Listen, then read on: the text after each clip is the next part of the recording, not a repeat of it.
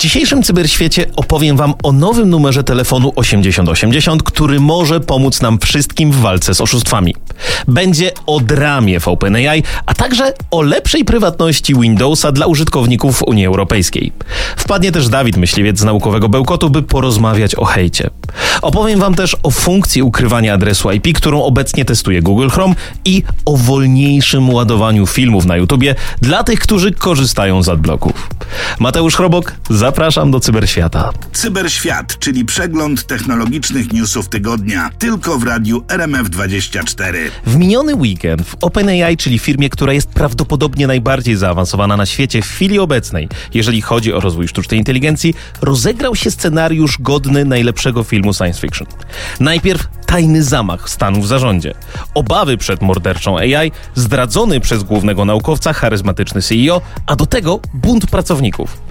Całość na pierwszy rzut oka wygląda jak taka walka o wpływy, ale według doniesień Reutera z tego tygodnia tak naprawdę chodzi o przełom technologiczny.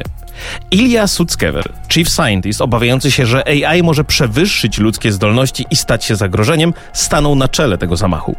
Na początku tygodnia ponad 700 pracowników OpenAI zagroziło odejściem, jeżeli zarząd nie ustąpi i nie przywróci Altmana. W kolejnym zwrocie akcji Ilya wyraził żal z powodu swojego udziału w tym zamachu i zadeklarował gotowość do pracy pod kierownictwem Altmana. I od środy sam Altman znowu jest CEO w OpenAI. Dlaczego ta cała drama jest taka istotna? OpenAI to nie jest byle jaka firma. To oni stoją za czatem GPT, który jest jednym z najszybciej rozwijających się produktów technologicznych. Ich rola w budowaniu cyfrowej superinteligencji i wpływ na globalną ekonomię już w tej chwili są ogromne. To, co dzieje się w OpenAI, to nie są tylko korporacyjne przepychanki, ale walka o kontrolę nad potężnymi narzędziami AI i też odpowiedzialność za ich rozwój. Ten przełom technologiczny to prawdopodobnie algorytm Q-Star i na chwilę obecną skutki jego wykorzystania nie są jeszcze jasne. Być może będzie on wpływał na to, jak szybko jako ludzkość osiągniemy superinteligencję. Jest takie pojęcie, które nazywa się AGI, czyli Artificial General Intelligence, i mówi mniej więcej o tym, że w pewnym momencie maszyna będzie tak dobra jak człowiek. Na pewno będę Wam dawał znaki, jeżeli coś nowego podzieje się w tym temacie. To jest naprawdę ciekawy moment w rozwoju ludzkości i mam nadzieję, że wszystko, no cóż, pójdzie w dobrą stronę. Wejdź do cyberświata w radiu RMF24. 8080 to nowy numer, na który możecie przekierowywać wszystkie podejrzane SMS-y, które dostajecie. Po drugiej stronie są eksperci z CERT Polska, którzy sprawdzają, czy link w SMS-ie nie jest jakimś wyłudzeniem albo na przykład wirusem. To może pomóc nie tylko Tobie, ale nam wszystkim. Przestępcy działają na zasadach kampanii i wysyłają setki takich wiadomości, by spróbować nabrać jak najwięcej osób. Im później zostaną wykryci, tym większa szansa, że po prostu więcej zarobią na swoich ofiarach. Jeżeli więc wyślesz coś podejrzanego na ten numer 8080, to eksperci sprawdzą, czy ten link jest złośliwy. I jeżeli tak, to zablokują dostęp do tej niebezpiecznej strony w całej Polsce. To jest część większej akcji przeciw, przeciwko oszustwom internetowym, która trwa już od 2020 roku. Jeżeli chcecie, możecie też przekierować maile na adres certmałpacert.pl. I pamiętajcie, jeżeli coś wydaje się zbyt piękne, by było prawdziwe, zwłaszcza w jutrzejszy Cyber Monday, gdzie ciągle będzie trwała mania zakupów, to prawdopodobnie to jest coś podejrzanego albo ktoś próbuje wyłudzić pieniądze. Cyberprzestępcy są szczególnie aktywni w tym okresie, próbując zarobić na nas wszystkich. Mega! Powiem wam, jestem dumny z tego, co zrobili w Nasku i trzymam kciuki, żeby ta wieść rozeszła się jak błyskawica jak najszerzej. Dzięki temu my wszyscy będziemy bezpieczniejsi jako społeczeństwo. I wystarczy, że pierwsza osoba da znać, a potem wasi bliscy, osoby starsze i tak dalej, wszyscy będą chronieni. Gratulacje. Mateusz Chrobok i Cyberświat. Tylko w radiu RMF24. Microsoft, gigant technologiczny znany chyba każdemu, został niedawno okrzyknięty przez Komisję Europejską mianem bramkarza w ramach nowego prawa zwanego Digital Markets Act. Bramkarza w sensie kogoś takiego, kto wpuszcza albo nie wpuszcza ludzi do klubu. Firmy dzięki swojej pozycji mogą narzucać nieuczciwe warunki klientom i mniejszym firmom. Microsoft razem z innymi gigantami takimi jak Google czy Apple podpada pod tą definicję, więc teraz musi się nieco zmienić. I na szczęście dzięki temu Windows dla nas wszystkich będzie bardziej prywatny. Przede wszystkim Microsoft zapowiedział, że w systemie operacyjnym będą lepiej oznaczone wbudowane funkcje.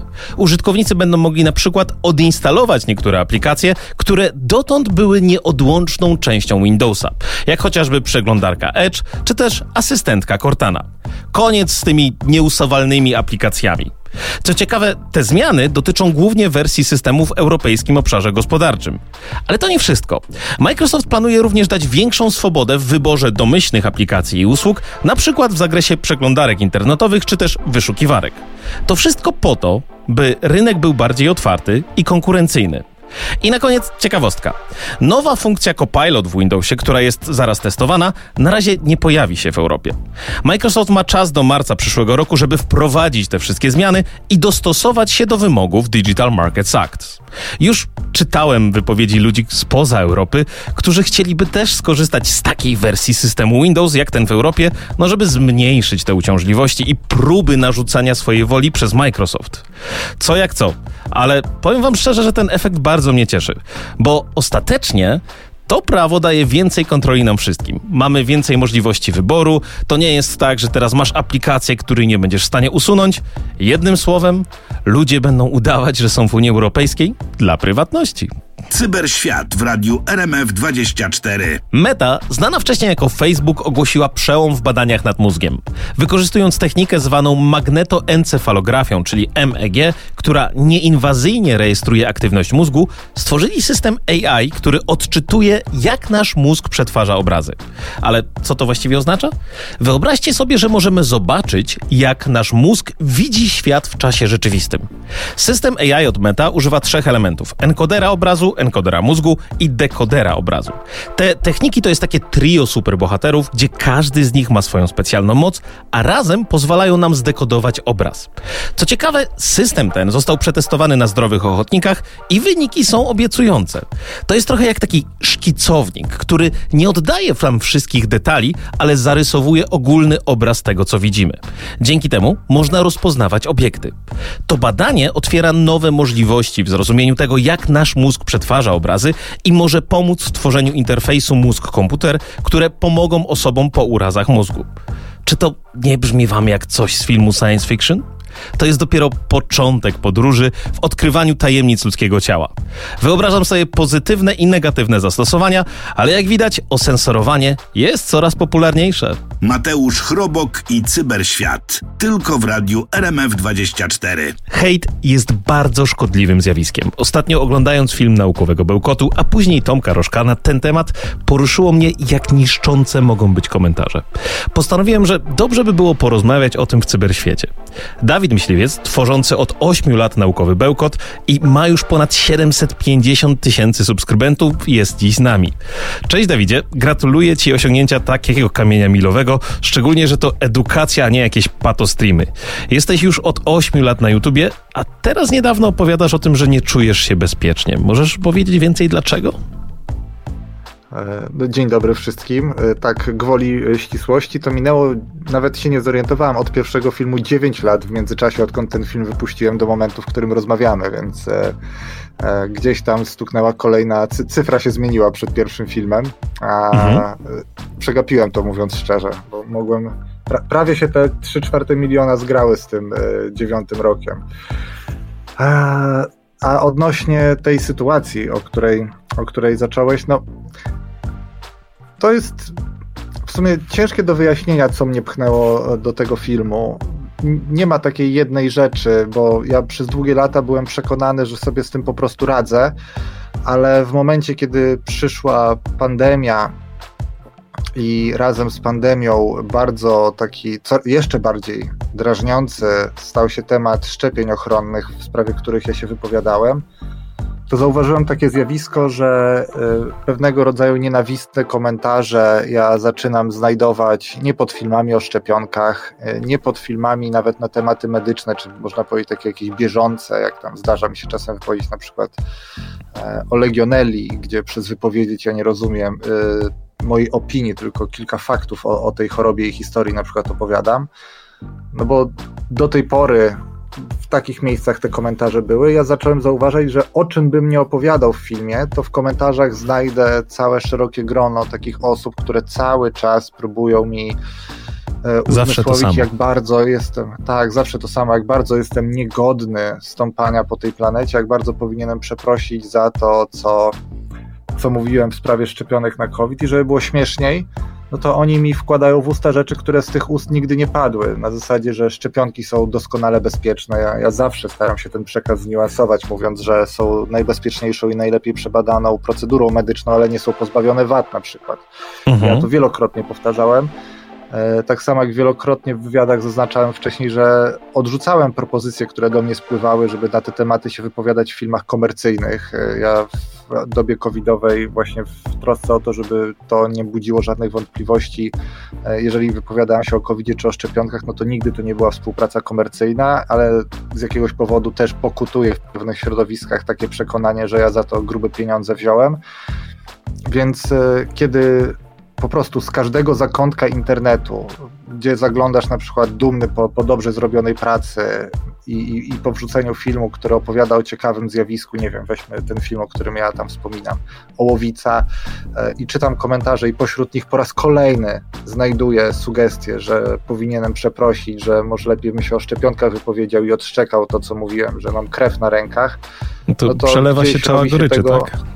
tak, przelewa się czara goryczy, no i gdzieś do tego równania też jeszcze wskakuje fakt, że przez 5 lat działania w internecie, ja sobie działałem w internecie jako Dawid Myśliwiec, który y, może wziąć pełną odpowiedzialność za to wszystko, a, a gdzieś w miarę jak e, zostałem ojcem w międzyczasie pierwszy i drugi raz, e, okazuje się, że no, te komentarze są o tyle niepokojące, że gdzieś w mojej głowie świta jakiś scenariusz, w którym konsekwencje mogą e, dotknąć moich dzieci. No i na to już po prostu nie ma, nie ma mojej zgody na to, można tak powiedzieć, taką kliszą trochę. Jasne, jasne. W pewien sposób się odsłaniasz i jakby to też Tomek poruszał Rożek w swoim, swoim materiale, bo zawsze trafiamy na taki rozkład ludzi po drugiej stronie w tych, w tych komentarzach, którzy po prostu mogą być gdzieś tam niezrównoważeni i mogą życzyć strasznych rzeczy.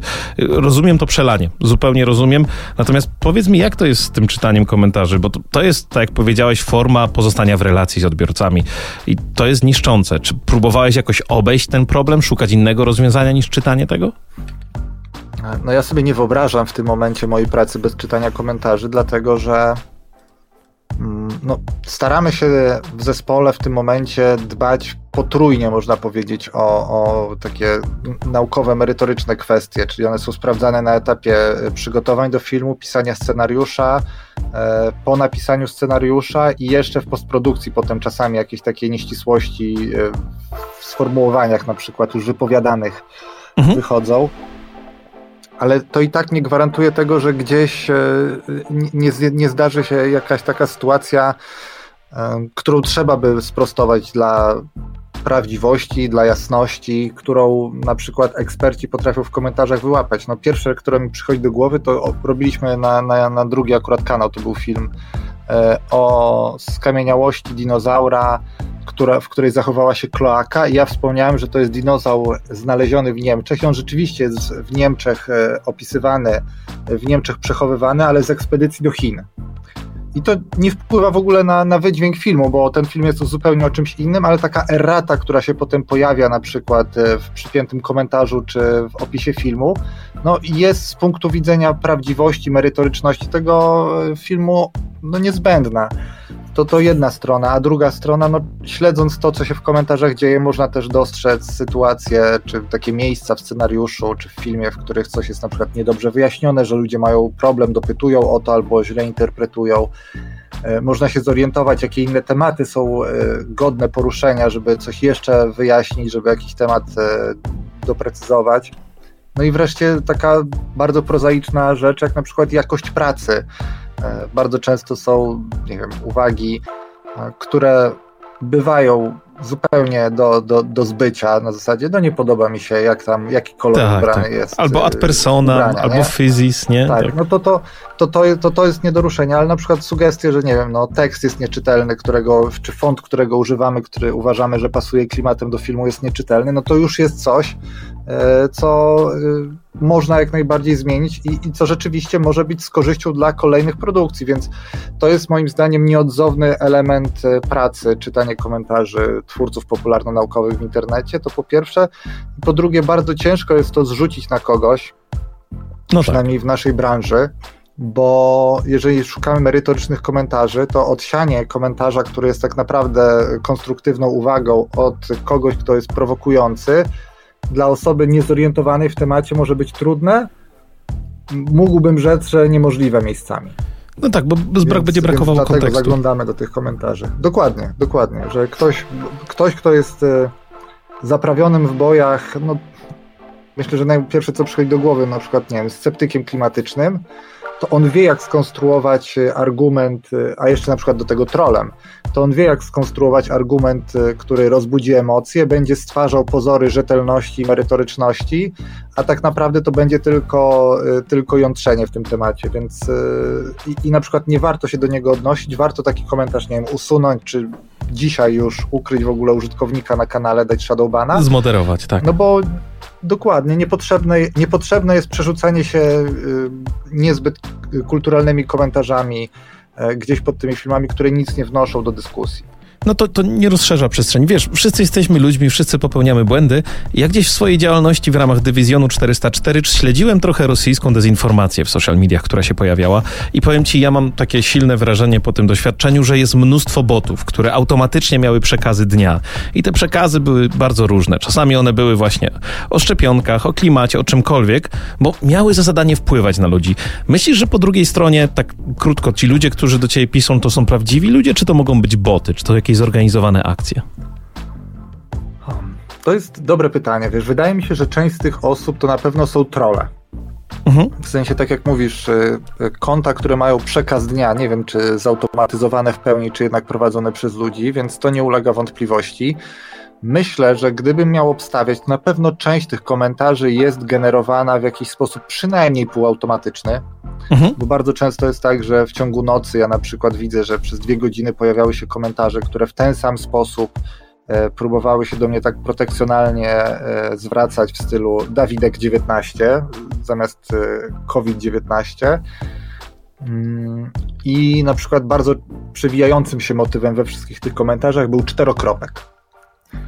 No proszę. E, coś, coś co no, ja jeszcze się nie spotkałem, żeby to było w jakiejś takiej książce dobrze zredagowanej. Co nie znaczy, że nie widziałem u Jerzego Zięby, ale wracając do meritum. E, więc wydaje mi się, że przynajmniej część takich kont to są przekazy dnia, tak jak mówisz, e, bardziej lub mniej zautomatyzowane, natomiast jest, jest też cała masa osób, które się po prostu na to łapią, na te fale, bo gdzieś z nimi ten przekaz dnia rezonuje. I, i to się, e, pamiętam, że były takie sytuacje, jak pierwsze filmy o, o szczepionkach wrzucałem lata temu, jeszcze na długo przed pandemią, i na stronach, na forach antyszczepionkowych y, są ludzie, którzy takie rzeczy śledzą z jakiegoś powodu i mi potem to wysyłali, że na przykład był rozpisany mój film z taką minutówką, w którym miejscu na co warto zwrócić uwagę i o co. E, I, i, i potem dosłownie kopiuj wklej niektórych tych elementów ja czytałem w komentarzach. Mhm. E, więc e, to moim zdaniem mogli być po prostu ludzie z tego typu grup, którzy gdzieś tam zostali zmanipulowani tak. na którymś etapie, ale też no, powiedzmy uczciwie sobie, że no są ludzie, którzy w to po prostu wierzą szczerze i, i, nie mają złych intencji, tylko po prostu ich ponoszą emocje gdzieś tam i mają dobrze u nich działa kora przedczołowa z takim odhamowaniem tych antyspołecznych zachowań e, i, i po prostu bezmyślnie czasami, e, nie widząc e, w tym nic złego, nie, nie wiedząc, że te komentarze koniec końców czyta żywy człowiek, oni takie rzeczy wrzucają do internetu i, i, i potem i potem to hula hula i już 9 lat później youtuber nagrywa film. I przelewacz algoryczy. Słuchacie programu Cyberświat. Hejt w internecie może dotknąć każdego ze względu na poczucie anonimowości. Razem z Dawidem Myśliwcem z Naukowego Bełkotu rozmawiamy o tym zjawisku i o tym, co można z tym zrobić. Dawidzie, czemu platformy takie jak YouTube, Twoim zdaniem, nie wkładają więcej kasy na moderację treści? Przecież mamy już duże modele językowe, mamy AI, zaawansowane algorytmy, a dalej moderacja komentarzy jest po prostu rodem z epoki kamienia chrupanego. To też nie chcę, żeby to, ten temat, który ja poruszyłem, to był też e, odbierany jako taki e, wyrzut w stronę YouTube'a taki e, rozżalony. Ja bym bardziej powiedział, że ten film ma podkreślić, że mamy zaległości, że to nie jest mhm. celowe działanie YouTube'a, że nic z tym nie robił, tylko w mojej głowie to jest wypadkowa dwóch, dwóch rzeczy. Po pierwsze, jakiegoś takiego zastanego krajobrazu, w którym właśnie trzeba, nie wolno pokazać, że to nas dotyka jako twórców, bo wtedy e, hater wygrywa, jak pokażemy, że nas dotyka, więc przez lata ludzie, którzy dyskutowali w kuluarach, jak sobie z tym poradzić, jak sobie inni radzą z hejtem, e, oni publicznie do tego nie przyznawali się bardzo głośno, że, że to jest dla nich problemem, a jeżeli głośno się o tym nie mówi, no to trudno zakładać, że, że ktoś zacznie coś z tym robić, jeżeli to nie jest e, mocno zgłoszony problem.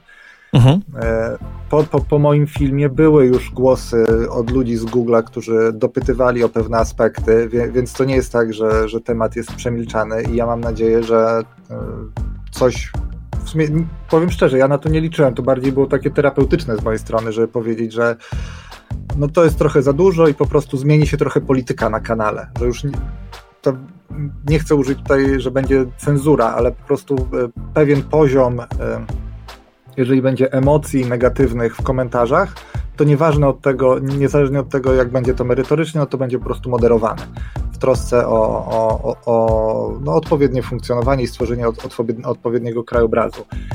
Więc wydaje mi się, że y, to, czy, czy YouTube coś z tym robi, czy nie, będziemy mogli ocenić na przykład przez najbliższe pół roku. Czy, czy te głosy, które wiem, że zostały w Polsce wysłuchane, bo na szczęście inni twórcy także się wypowiedzieli w podobnym tonie, zgłaszając, że to jest problem głośno. I teraz jest czas, żeby coś z tym zrobić, a nie robiliśmy tego, bo właśnie jakiś taki dziwny układ panował, milczący, że nie wolno dać po sobie poznać, że to jest problem, w momencie, kiedy dla wszystkich to był problem. Jasne, czyli zacząłeś w pewnym sensie lawinę, wiesz. Ja mam takie swoje techniczne przeświadczenie, że jest tyle nowoczesnych technologii. Google jest absolutnie zaawansowaną firmą, więc trochę, czy to na Facebooku, czy na YouTubie, czy w innych miejscach, oni nie doinwestowują tego. To znaczy wyobrażam sobie, że są zgodni z tym, od czego prawo od nich wynika, oby to było krokiem naprzód. Ale a propos tej cenzury, bo ja już słyszałem, że pojawiły się takie osoby, które przypiały ci taką łatkę największego cenzora. No wiesz, temat dość kontrowersyjny, no bo próbuje się go po, przedstawić w taki sposób binarny. Albo zupełna wolność słowa, albo zupełnie tam cenzura.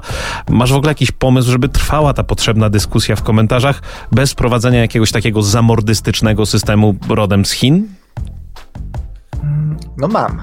Powiem, powiem szczerze, że mam y, i, i to nie jest po jakichś tam dogłębnych moich analizach, ale y, no, domyślam się, że czasami komentarzy jest tak dużo, że przepuszczenie tego wszystko przez sztuczną inteligencję może być problematyczne. To nazwijmy rzeczy po imieniu, że to moce obliczeniowe potrzebne do tego, żeby cały YouTube światowy moderować y, sztuczną inteligencją mogą, mogą być bardzo duże. Mhm. Ty pewnie będziesz więcej w stanie o skali tego, tych wymagań powiedzieć, ale to nie jest konieczne, e, nie, nie, nie jest jedynym wyjściem e, sztuczna inteligencja, no bo obecnie tak naprawdę ja jako twórca mam do wyboru wpisywanie z ręki słów kluczowych, ewentualnie dodanie takiego pakietu wulgaryzmu w jakimś języku. Nieefektywne. E, nieefektywne, bo nie wiem, pojawia się znak specjalny w środku i to już nie jest match 1 do 1, mhm bo, bo jest wstawiona kropka w środek wulgarnego wyrazu i już przez filtr przechodzi. To, y, to, to, to, to jest sprawdzone. Mogę poprosić, y, mogę ustawić w komentarzach taki bardziej rygorystyczny filtr, ale to jest bardziej filtr antyspamowy. I na przykład, kiedy ostatnio zacząłem to włączać, to zauważyłem, że te komentarze z wulgar wulgaryzmy z kropkami, tak jak przechodziły, tak przechodzą, ale za to na przykład hasztagi są zatrzymywane.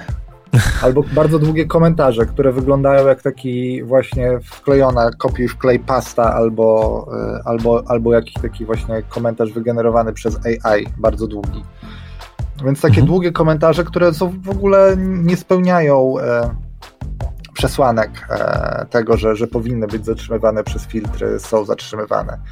No to jest jedna kwestia, więc, e, więc to, no i mogę zaznaczyć, żeby nie publikować linków, co, co, co mam włączone.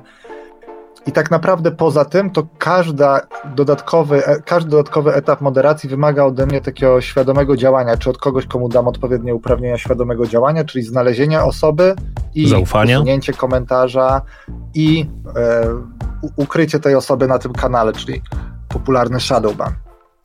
Natomiast e, wyobrażam sobie, że można by zrobić coś takiego, co funkcjonuje na YouTubie w transmisjach na żywo, że komentarze mogą być pisane tylko przez osoby, które subskrybują kanał od co najmniej 10 minut. Żeby nie było I... fali takich botów nowych, tak, które przychodzą i tak, spamują. I, i, jeż, i wtedy to już myślę zatrzymałoby wiele osób, które mają to, o czym ja wcześniej wspomniałem, czyli gdzieś z jakiegoś powodu mechanizmy takiego społecznego odhamowania nie, nie, nieakceptowanych zachowań, że gdzieś w tych płatach przedczołowych, e, w korze e, czołowej nie do końca wszystko jest tak, e, jak, że ci ludzie nie radzą sobie z agresją czy ze złością w inny sposób niż na przykład natychmiastowe wyrzucenie jest z siebie w postaci komentarza. Jeżeli musieliby te 10 minut poczekać, potem mogliby cofnąć subskrypcję no to to już by część takich komentarzy zahamowało. E, tak samo jak wymóg na przykład obejrzenia 10 czy 20% filmu, żeby ten film skomentować. Mhm. To też już było, wiedział. byłby wymóg jakich. Tak, tak, żebyśmy założyli, że pod filmem komentujemy film że od komentowania człowieka jest, nie wiem, Facebook, czy pisanie postów w internecie, czy Twitter y, i tam niech się wylewa ściek y, podpisany czyimś imieniem i nazwiskiem na, na Dawida Myśliwca, ale pod filmem Dawida Myśliwca z założenia dyskutujemy o tym filmie. E, I, I to już by było na przykład e, czymś, co mogłoby część tych osób znów odsiać. E, nie wiem, bardzo często zdarza się, że takie komentarze są zostawiane przez kogoś, kto się, kto się nazywa user Google 2689XT53 e, i konto założył dwa tygodnie wcześniej. I jak tak, sprawdzam jest za potem kolejne dwa tygodnie, to tego konta już nie ma, tak. Więc można by w jakiś sposób dać taki okres próbny na dawanie komentarzy, że e, ktoś zostawia komentarze dopiero na przykład od 30 dnia od założenia konta. Jeżeli, e, jeżeli to konto nie jest aktywne w inny sposób, albo w ogóle po prostu pierwsze 30 dni te komentarze są po prostu widoczne tylko przez twórców e, i moderatorów, i oni mogą ocenić, czy ta osoba e, nie, nie zasługuje na Shadowbana, zanim inni tego nie zobaczą. Myślę, że takich rozwiązań, te rozwiązania, o których ja mówię, no to są dosyć łatwe do wprowadzenia, wydaje mi się. Co więcej, to ma ten plus, że jeżeli ktoś specjalnie oglądałby tylko 20%, żeby zostawić komentarz i wyjść z filmu, albo subskrybowałby kanał, po 10 minutach zostawiał komentarz i odsubskrybowywałby ten kanał, no to to jest tak, jakby te konta podnosiły rękę, że hej, tutaj się odbywa jakieś podejrzane działanie. Przyjrzyjcie się na tak, I tak, wtedy tak, można tak. dopiero do tak, do tak działających kont zaangażować sztuczną inteligencję. Więc to ma taki dodatkowy wymiar korzystny z punktu widzenia e, platformy, że, że ci ludzie, którzy zostawiają takie nienawistne komentarze i na przykład robiliby tak u mnie na kanale, u Tomka Rożka, u Kasi Gandor, e, nie wiem, najprościej mówiąc, kolejny medyczny kanał i tam by było tak, że subskrypcja 10 minut, komentarz i odsubskrybowujemy, no to ci ludzie tak naprawdę sami podnoszą rękę, hej, robimy tutaj podejrzane rzeczy. Więc to, to, to, to wielopłaszczyznowo mogłoby się odbywać i mówię, te rozwiązania nie są trudne do wprowadzenia. Znaczy zakładam, że nie są trudne do wprowadzenia, skoro już w pewnej formie funkcjonują na przykład na transmisjach na żywo na tej platformie, o której mówimy. Jasne. Wiesz co, bo to jest ciekawe, że ty masz człowieka tak w środku, bo mówisz o tym, że kora czołowa tutaj, że ktoś e, potrzebuje się wyżyć. Ja trochę myślę na to z perspektywy takiej automatyzacji i takiego kosztu do popełnienia właśnie czegoś takiego. No bo jak zwiększysz koszt i komu tam będzie się chciało, albo ktoś będzie musiał automatyzować, zakładać tyleś tam kont, subskrybować, odsubskrybowywać się, tym, tak jak mówisz, łatwiej ich będzie wyciągnąć i trochę więcej to będzie roboty dla kogoś, kto tylko chce sobie zasieć swoją nienawiść. Pytanie, czy będzie chciało mu tam się zużyć zużyć tylko energii. Natomiast y, ja mam, wiesz, taki bias, to który jest... jeszcze właśnie... Mhm. Tak, tak, bo to jeszcze y, wskoczę ci w słowo.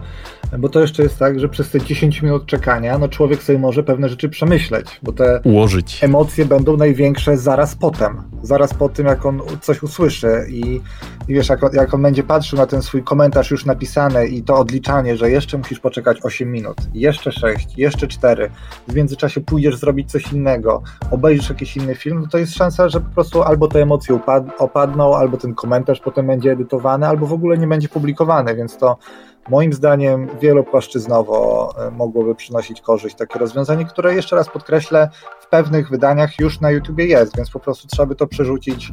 E, no nie chcę mówić tutaj prozaizować tego, że to dwie linie kodu, no ale jeżeli to jest na transmisjach na żywo, no to nie widzę przeszkód, żeby było po prostu pod filmami. I może też zaznaczę, że to nie musi być wprowadzone na każdym kanale na platformie, tylko na przykład, żeby twórca miał wybór, czy włącza to rozwiązanie, czy nie.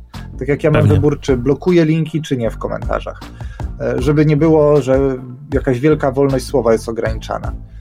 No, jeżeli no, wy- ktoś chce obrazić Dawida Myśliwca, to ciągle będzie mógł to zrobić w tak wielu miejscach internetu, że, że, że wcale nie, nie musi się czuć tutaj pokrzywdzony przy, przy tych proponowanych przeze mnie opcjach.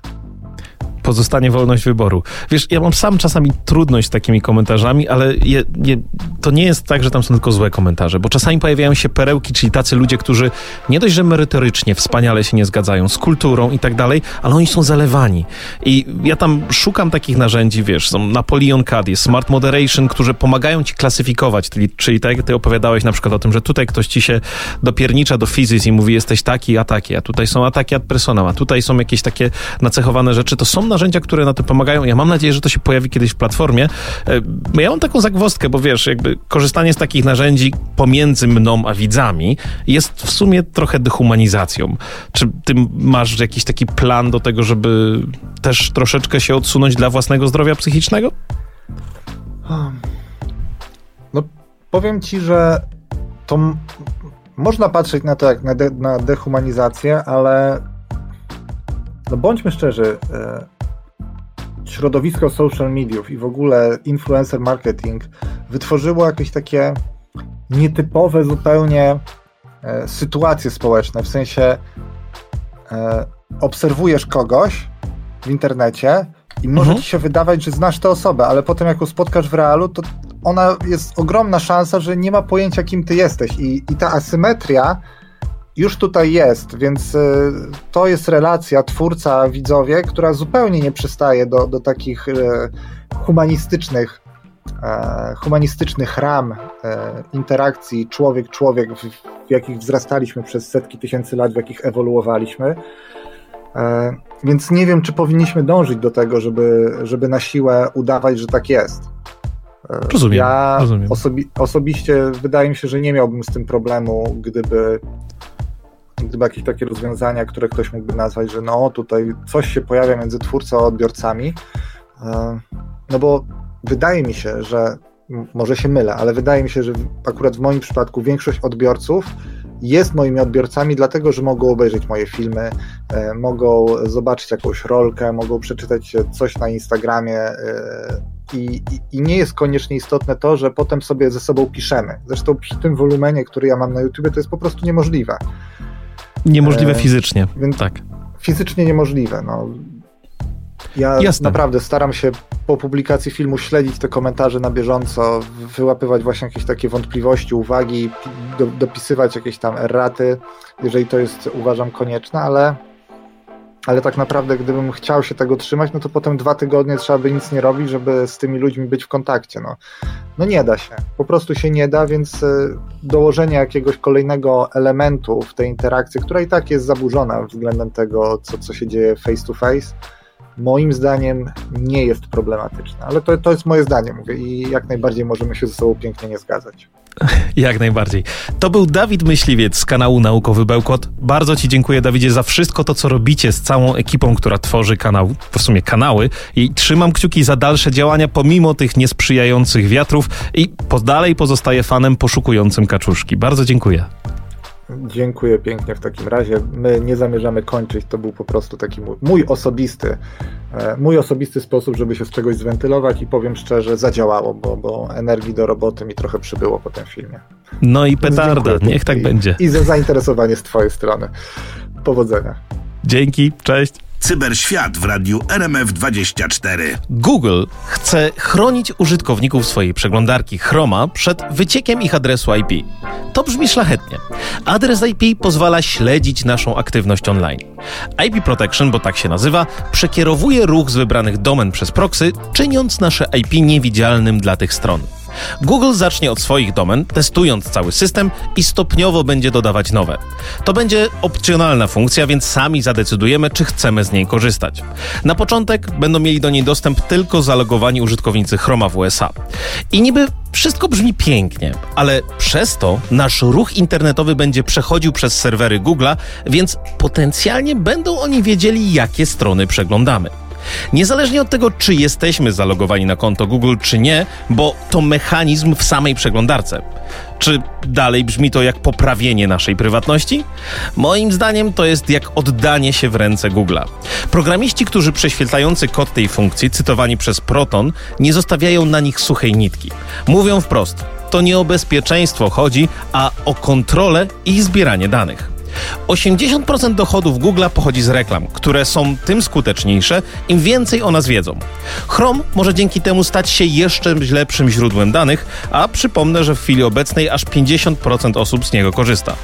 Mam nadzieję, że sprawa się jeszcze rozwinie i zostaną wprowadzone jakieś mechanizmy anonimizujące. Mam też drugą nadzieję, że sama ta usługa pozostanie opcjonalna i moje ostrzeżenia będą już wkrótce zupełnie nieprawdziwe. Jednak w ekonomii, gdzie dane są na wagę złota, obawiam się, że no, chciwość może wygrać. Mateusz Chrobok i Cyberświat. Tylko w radiu RMF24. Dość już tego oglądania YouTube'a. Google wzbogaciło swojego chatbota, czyli Barda, o nową funkcję. Teraz dzięki integracji tej sztucznej inteligencji z YouTube'em, Bard może analizować filmy i podawać konkretne informacje bez konieczności ich oglądania. Wyobraźcie sobie, że szukacie odpowiedzi na jakieś pytanie, które wiecie, że jest w filmie i chcecie uzyskać odpowiedź, nie oglądając całych 30 minut materiału. To jest genialne w swojej prostocie, prawda? Ale no niestety nie wszystko złoto, co się świeci. Metoda ta oczywiście nie jest idealna i popełnia błędy, więc uważajcie na przykład przy przepisach na potrawy. Całość oprócz podziwu i w sumie radości z łatwości w dostępie do informacji budzi we mnie też pewien niepokój. No bo przy całych tych aferach, które są związane teraz z adblockerami, oglądając film na YouTubie, wspieramy twórców. Bart omija ten krok, co może być świetne dla użytkowników, ale mniej korzystne dla twórców. Ciekaw jestem, jak to będzie się wpisywać w tą całą narrację z walką z adblockerami. Na razie funkcja Barda jest dostępna tylko eksperymentalnie i wymaga to trochę wysiłku, żeby uzyskać dobrą odpowiedź.